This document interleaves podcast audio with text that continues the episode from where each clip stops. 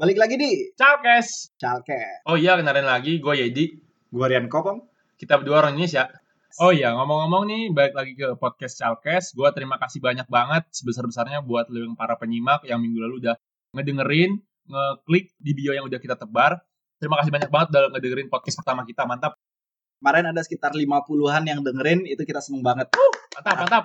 Tapi sepi nih. Sepi Belum banget. ada yang Gua email kita. Sedih juga nih, kemarin sepi banget. Podcast pertama Calkes nih nggak ada yang email, nggak ada yang nanya apa pun. Sebenarnya lu, lu orang nih boleh bebas banget terserah dah mau nanya apa aja, mau komen apa aja terserah kita tanggepin. Asli dah. Mau nanya, boleh email, boleh ke sosmed kita juga. Kita punya Instagram, Facebook, Twitter, dan SoundCloud. Iya sih, tapi tadi juga kita maksa banget kayaknya ya. Yo, Apa udah amat.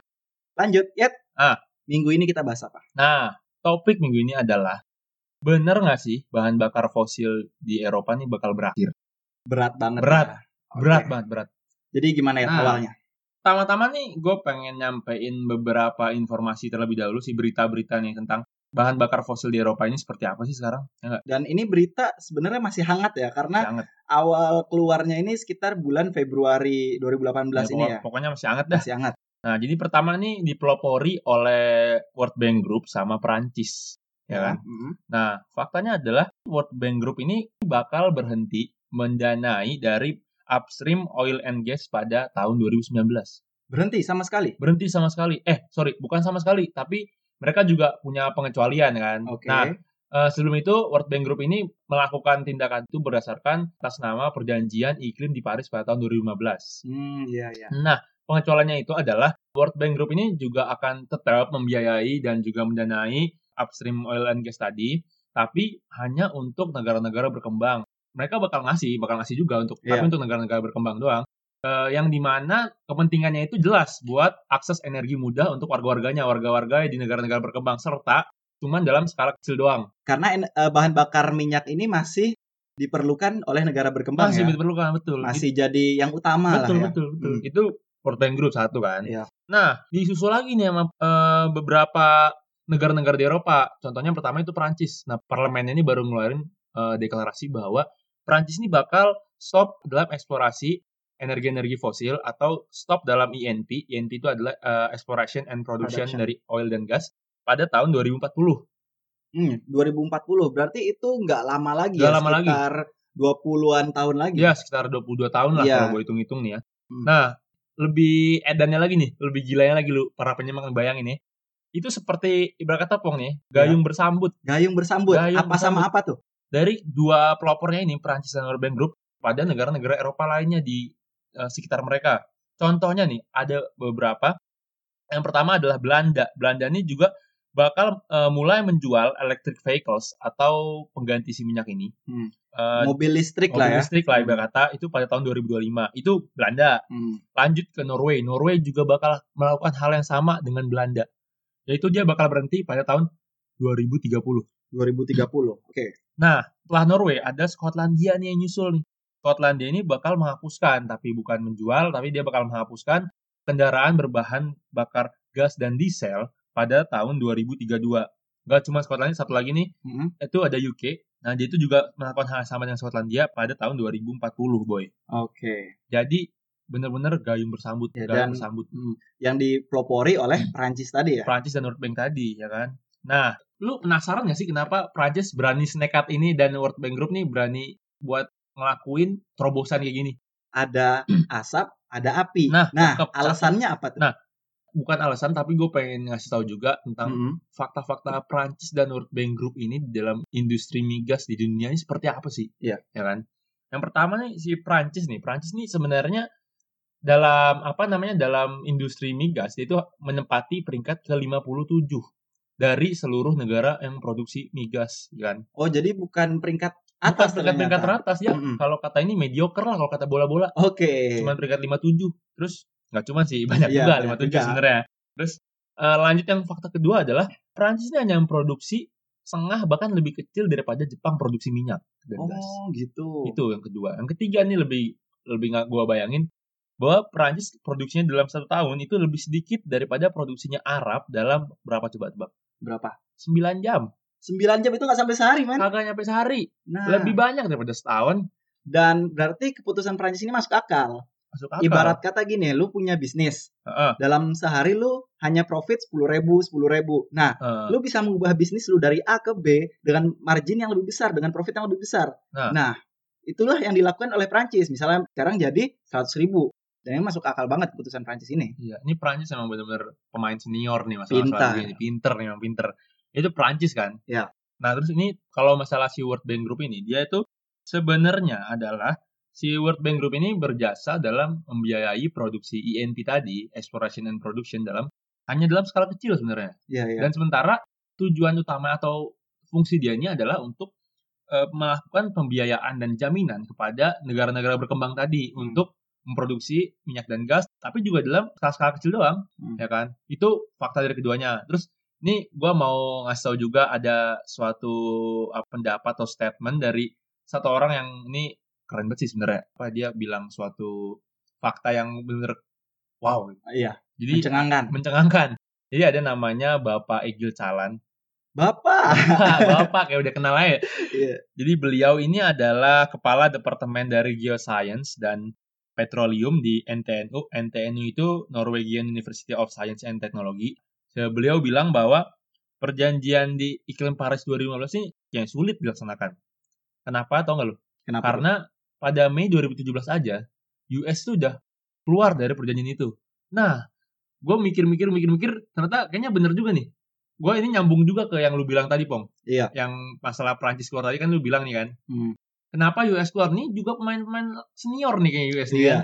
Jadi dia udah paham nih kayaknya nih. Nah, dia kenapa keluar? Karena US ini adalah negara paling banyak memproduksi minyak paling besar buat memproduksi minyak. Sementara kalau nih negara ikut dalam perjanjian, otomatis dia bakal sedikit demi sedikit mulai berhenti memproduksi oil and gas, bener nggak? Dan keuntungannya pasti berkurang. Berkurang, otomatis pendapatan negaranya bakal berkurang. Iya. Makanya itu daripada gua ikutan nih perjanjian iklim di Paris, mending gue cabut, gue masih bisa produksi minyak, ya kan? Ah, itulah, itulah pokoknya. Jadi Prancis dan Amerika nih benar-benar bermain di ini ya di zonanya dia kan dia cari mencari peluang-peluang yang benar-benar mereka bisa manfaatkan sebesar besarnya coy Dan gini ya, di negara Eropa ini sudah banyak gerakan untuk membatasi fosil fuel ini. Nah. ngomong-ngomong batasi nih pong ya Mm-mm. gue mikirin ya sebenarnya lu tuh harus ketika lu mau berhenti buat memakai bahan bakar fosil lu harus namanya menemukan suatu penggantinya kompetitor yang sepadan ya kan Sepadan. jadi lu nggak semerta-merta ngapus eh, bahan bakar fosil ini terus lu udah aja gitu bingung mau ngapain kan Nah, maksud sepadan ini adalah misal kita beli bensin 1 liter bisa nempuh jarak 20 km Heeh. dengan harga 8.000 perak. Nah, ketika kita nanti ganti ke bahan bakar lain, elektrik misalnya, Heeh. kita ya harus beli dengan jarak 20-30 km itu juga harus 8.000 rupiah. Hmm. Jangan bensin kita beli 8.000 rupiah, nanti kita ganti listrik jadi 20.000 itu nggak sepadan, nggak sebanding. Nah, kita harus gimana caranya energi yang baru ini sebanding, ya kasarannya tuh dengan kualitas dan kuantitas yang sama yang nilainya. sama, bener banget. Eh, gimana menurut lu Menurut gua kita bisa mencontoh negara-negara yang udah berhasil melakukan ini. Mm-mm. contohnya Contohnya yang paling bagus itu menurut gua adalah Norway, Norwegia. gimana tuh Norway itu Nah, Norway ini mereka sadar akan global warming, sadar akan kebersihan lingkungan. Jadi, kalau kita misalnya katakanlah di kota Oslo ya, Heeh, Oslo di Oslo itu mobil listrik di mana-mana coy. Terutama merek Tesla itu loh yang pemiliknya itu Elon Musk. tahu tahu Nah. Nah. tahu nggak lu nih yang para penyimak Elon Musk nih. Tesla itu selain keren modelnya, kencang dia bisa dari 1 sampai 100 km per jam cuma 3,4 detik. Itu sangat murah di Norway. Kenapa ya? Itu nggak lepas dari kebijakan pemerintahnya. Karena apa?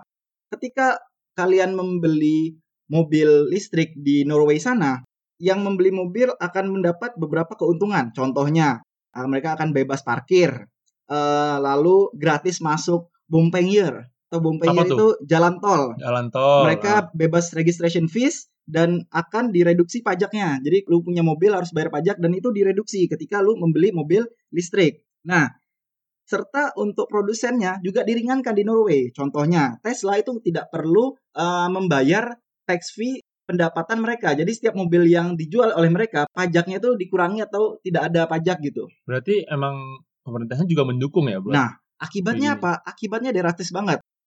dari yang hanya 24% penjualan mobil listrik ini, Januari 2016 itu meningkat sampai 39%. Di US misalnya kalau kita bandingkan, penjualan mobil listrik di US itu hanya sekitar 0,9%. Jauh banget kan? Karena Jauh, jauh, jauh. Nah, itu di mana kebijakan pemerintah sangat menentukan keberhasilan program ini. Ntar dulu. Tadi Hmm. gue jadi hilang fokus gara-gara lu bilang derastis. Derastis Itu gila. buat bilangnya derastis ya ilah. Tapi ada ironinya juga sih ini. Kenapa tuh?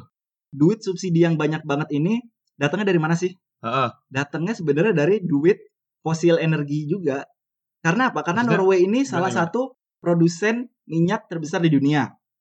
Nah, jadi ibaratnya gini, mereka mengambil minyak, mereka menjadi produsen minyak, mereka jual minyaknya ke negara-negara berkembang, keuntungannya diolah lagi untuk mensubsidi energi bersih, energi listrik di negara mereka sendiri. Oh, berarti mereka memproduksi energi kotor, dijual, Ya. keuntungannya buat energi bersih. Nah, tapi menurut warga di sana ya hal itu nggak nggak masalah karena gini mereka di Norway pengen udara yang lebih bersih, mereka sadar global warming. Di sisi lain energi fosil ini masih menjadi primadona terutama di negara berkembang. Jadi ini kayak ya udah win-win solution. Mereka nggak masalah tentang itu. Ya enjoy-enjoy aja sih masyarakatnya. Woles-woles saya gue mah. Yang Ya. penting negara gue green energy. Nah, seperti itu.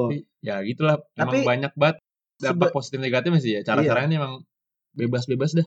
Sebagian masyarakat dunia mungkin menilai bahwa gerakannya kan tadi dimulai 2035, 2040. Ya, ya. Hmm. Itu agak terlambat ya. Harusnya kan udah dari lama dan sampai sekarang juga bumi kita makin rusak kan. Betul. Heeh. Tapi dengan keluar kebijakan Prancis, kebijakan negara-negara Eropa, merupakan langkah konkret dari pemerintah. Untuk apa? Untuk memulai program green energy ini. Sangat konkret. Misalnya misalnya di Jerman tadi 2030 melarang mobil bensin dan mobil diesel. Uni Eropa melarang mobil masuk ke kota. Jadi mobil yang tidak listrik nggak boleh masuk kota nih tahun 2050. Dan di Oslo tadi dalam 4 tahun ke depan nggak akan ada selain mobil listrik. Produsen mobil tadi Volvo Heeh, Volvo. Ngerti lah kan Volvo keren banget itu 2019 mereka akan menstop Heeh. benar-benar menghentikan produksi eh, mobil yang menggunakan bahan bakar diesel atau eh, minyak mereka akan mengganti seluruhnya yang baru mobil baru itu dengan yang ada casannya seperti itu Ntar Pak, mohon maaf Pak. hmm. Bapak capek gak kayak tadi ngomong? Aus gak? aus aus kopi mana kopi Semangat semangat tuh bocah. Aduh, aduh. Jadi emang menarik banget ya? menarik banget Jadi- oh iya satu lagi Apa tuh? kalau lu beli mobil listrik di Ah. Norway Ya, heeh. nggak perlu beli bensin coy kenapa karena di pinggir jalannya ada port buat Port- ngisi sendiri. Nah, untuk ngisi sendiri. Jadi kayak casan HP aja lu Iya. tinggal berhentiin mobil lu, parkir, colokin, ya udah selesai. tuh kayak film-film di koboi-koboi Eropa gitu. Nah, itu keren banget. Jadi lu beli mobil nggak perlu memperhitungkan beli bensinnya gimana. Ah, iya koboi-koboi Eropa. Nah, berkata apa ya? Udah mulai ada ini kan Ada. pengganti atau kompetitor sepadan dari si oil ini kan. Iya. Nah, terus misalkan emang beneran semuanya beralih ke ke electric vehicles atau pakai tenaga listrik lah sekarang nih. Iya. Terus nasib dari exploration dan produksi dari si oil and gas ini gimana sih? Kalau misalkan masalah ekonomi ini gimana ya? Masalah maksud ekonomi. Gua, maksud gua orang-orang yang berkecimpung dunia energi, terutama di oil and gas tuh, ya gimana ya, pahit-pahitnya mah agak ada gawean lagi tuh, lu belajar capek-capek, ntar kalau udahan kan berabe juga ya, Nah, repot. itu dia. Ini sebenarnya bukan menutup peluang, tapi membuka peluang yang lebih banyak. Gini, contohnya, dulu mobil tuh sela- eh, sebelum pakai mesin pakai apa? Pakai kuda. Nah. ah, dokar-dokar gitu ya. dokar zaman-zaman zaman dulu. Nah, tiba-tiba mesin uap muncul Heeh. dan menggantikan kuda. Apa orang bilangnya?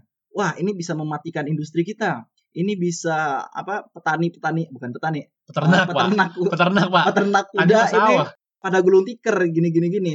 Tapi dengan berhentinya kuda tadi, mereka apa?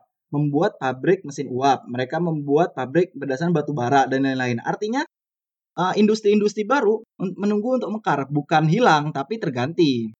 Apa ya, jadi kata yang dulunya manusia nih, eh, cuman kerjanya ngelus-ngelus kuda, terus Nah, semakin lambat lambat lambat lama kelamaan dia jadi ngelus-ngelus mesin ya kan? Nah, Terus- seperti itulah. apa ya dari yang namanya mereka ini eh, budaya ini bakal kontrol juga sih sebenarnya Iya. kontrol perkembangan juga kan Dan jangan lupa, epeng duit, cuy eh duit duit duit duit. duit Kan juga berpengaruh ya kalau berpengaruh. kalau lihat zaman dulu zaman dulu kan yang masih pakai kuda nih kan udah banyak kan Hmm. dulu terus yang pakai mobil cuman bangsawan bangsawan doang Iya. kan terus lama kelamaan mobil jadi merajalela atau merata. Karena makin murah harganya kan. makin murah, makin, makin banyak efisien. makin banyak yang produksi ya kan. Ini Iya. itu ini itu segala macam.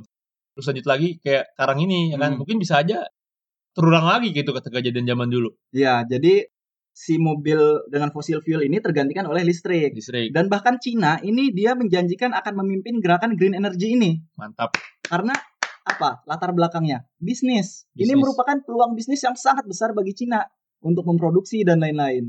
Lalu Tapi ini juga Untuk- gue eh, Ah. sorry, sorry, gue, potong dulu. Gue pernah baca juga Cina nih, gue lupa siapa yang lupa siapa yang bilang, tapi gue pernah baca bahwa eh, jadi Eropa nih sebenarnya kiblatnya ke Cina. iya, iya. Jadi ketika eh, Cina mulai terobosan baru, itu tuh lu Eropa mau ngapain juga pasti kiblatnya ke sono. Hmm, nih, gitu. Nyambung nih, nyambung sama lu bilang Iya, nyambung ah. nih, nyambung yang pernah gue baca nih, nyambung.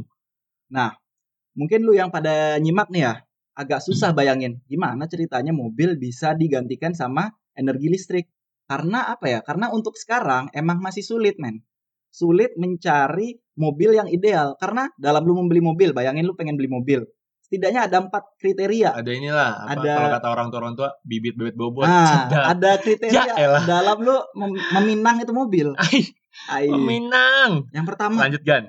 Kapasitasnya harus gede. Satu. Karena lu harus bisa bawa keluarga lu bisa banyak nih kan, keluarga ah. nenek, cucu, buyut, Ya apalah. kan? Budaya-budaya Indonesia kan jalan-jalan mah rame-rame. Ya, bisa piknik. Ah, Satu kapasitas gede. Kedua, jarak tempuhnya minimal itu 200 sampai 300 km. mm-mm, Lalu harus kencang. Makin kencang makin keren. Orang suka Isi. ngebut kan. Iya. Dan terakhir yang paling penting murah. Nah, itu masih sedikit dan sulit untuk mewujudkannya sekarang. Tapi kabar baiknya produsen-produsen mobil di dunia seperti Nissan, Chevrolet, Tesla itu akan eh, merilis mobil-mobil listrik yang terjangkau yang Udah. nanti harganya akan di bawah sekitar 30.000 US dollar atau sekitar 400 jutaan rupiah. Mereka udah mulai menciptakan prototipe mobil-mobil mobil-mobil elektrik ini Iya, ya. jadi electric ketika vehicles. mereka membuat electric vehicle ini harganya vehicles, Pak. Hah. nah itu 400 jutaan rupiah atau 30 ribu US dollar itu kan ya tadi sebanding. mulai ini kan berarti masyarakat-masyarakat dari eh, menengah apa pun itu bisa buat membelinya kan. membelinya Itu bakal menjadi langkah konkret tadi Kong- buat jadi green energy. langkah konkret karena kalau kita lihat green Cuman energy ini doang apa ngomong-ngomong, ya apa hijaukan bumi, hijaukan bumi hijaukan lingkungan sekitar Anda. Ya cat aja hijau, kagak ada langkahnya. Nah, sekarang nih kalau misalnya bener-bener terjadi nih begini nih. Iya. Lu bayangin dah, misalkan ya.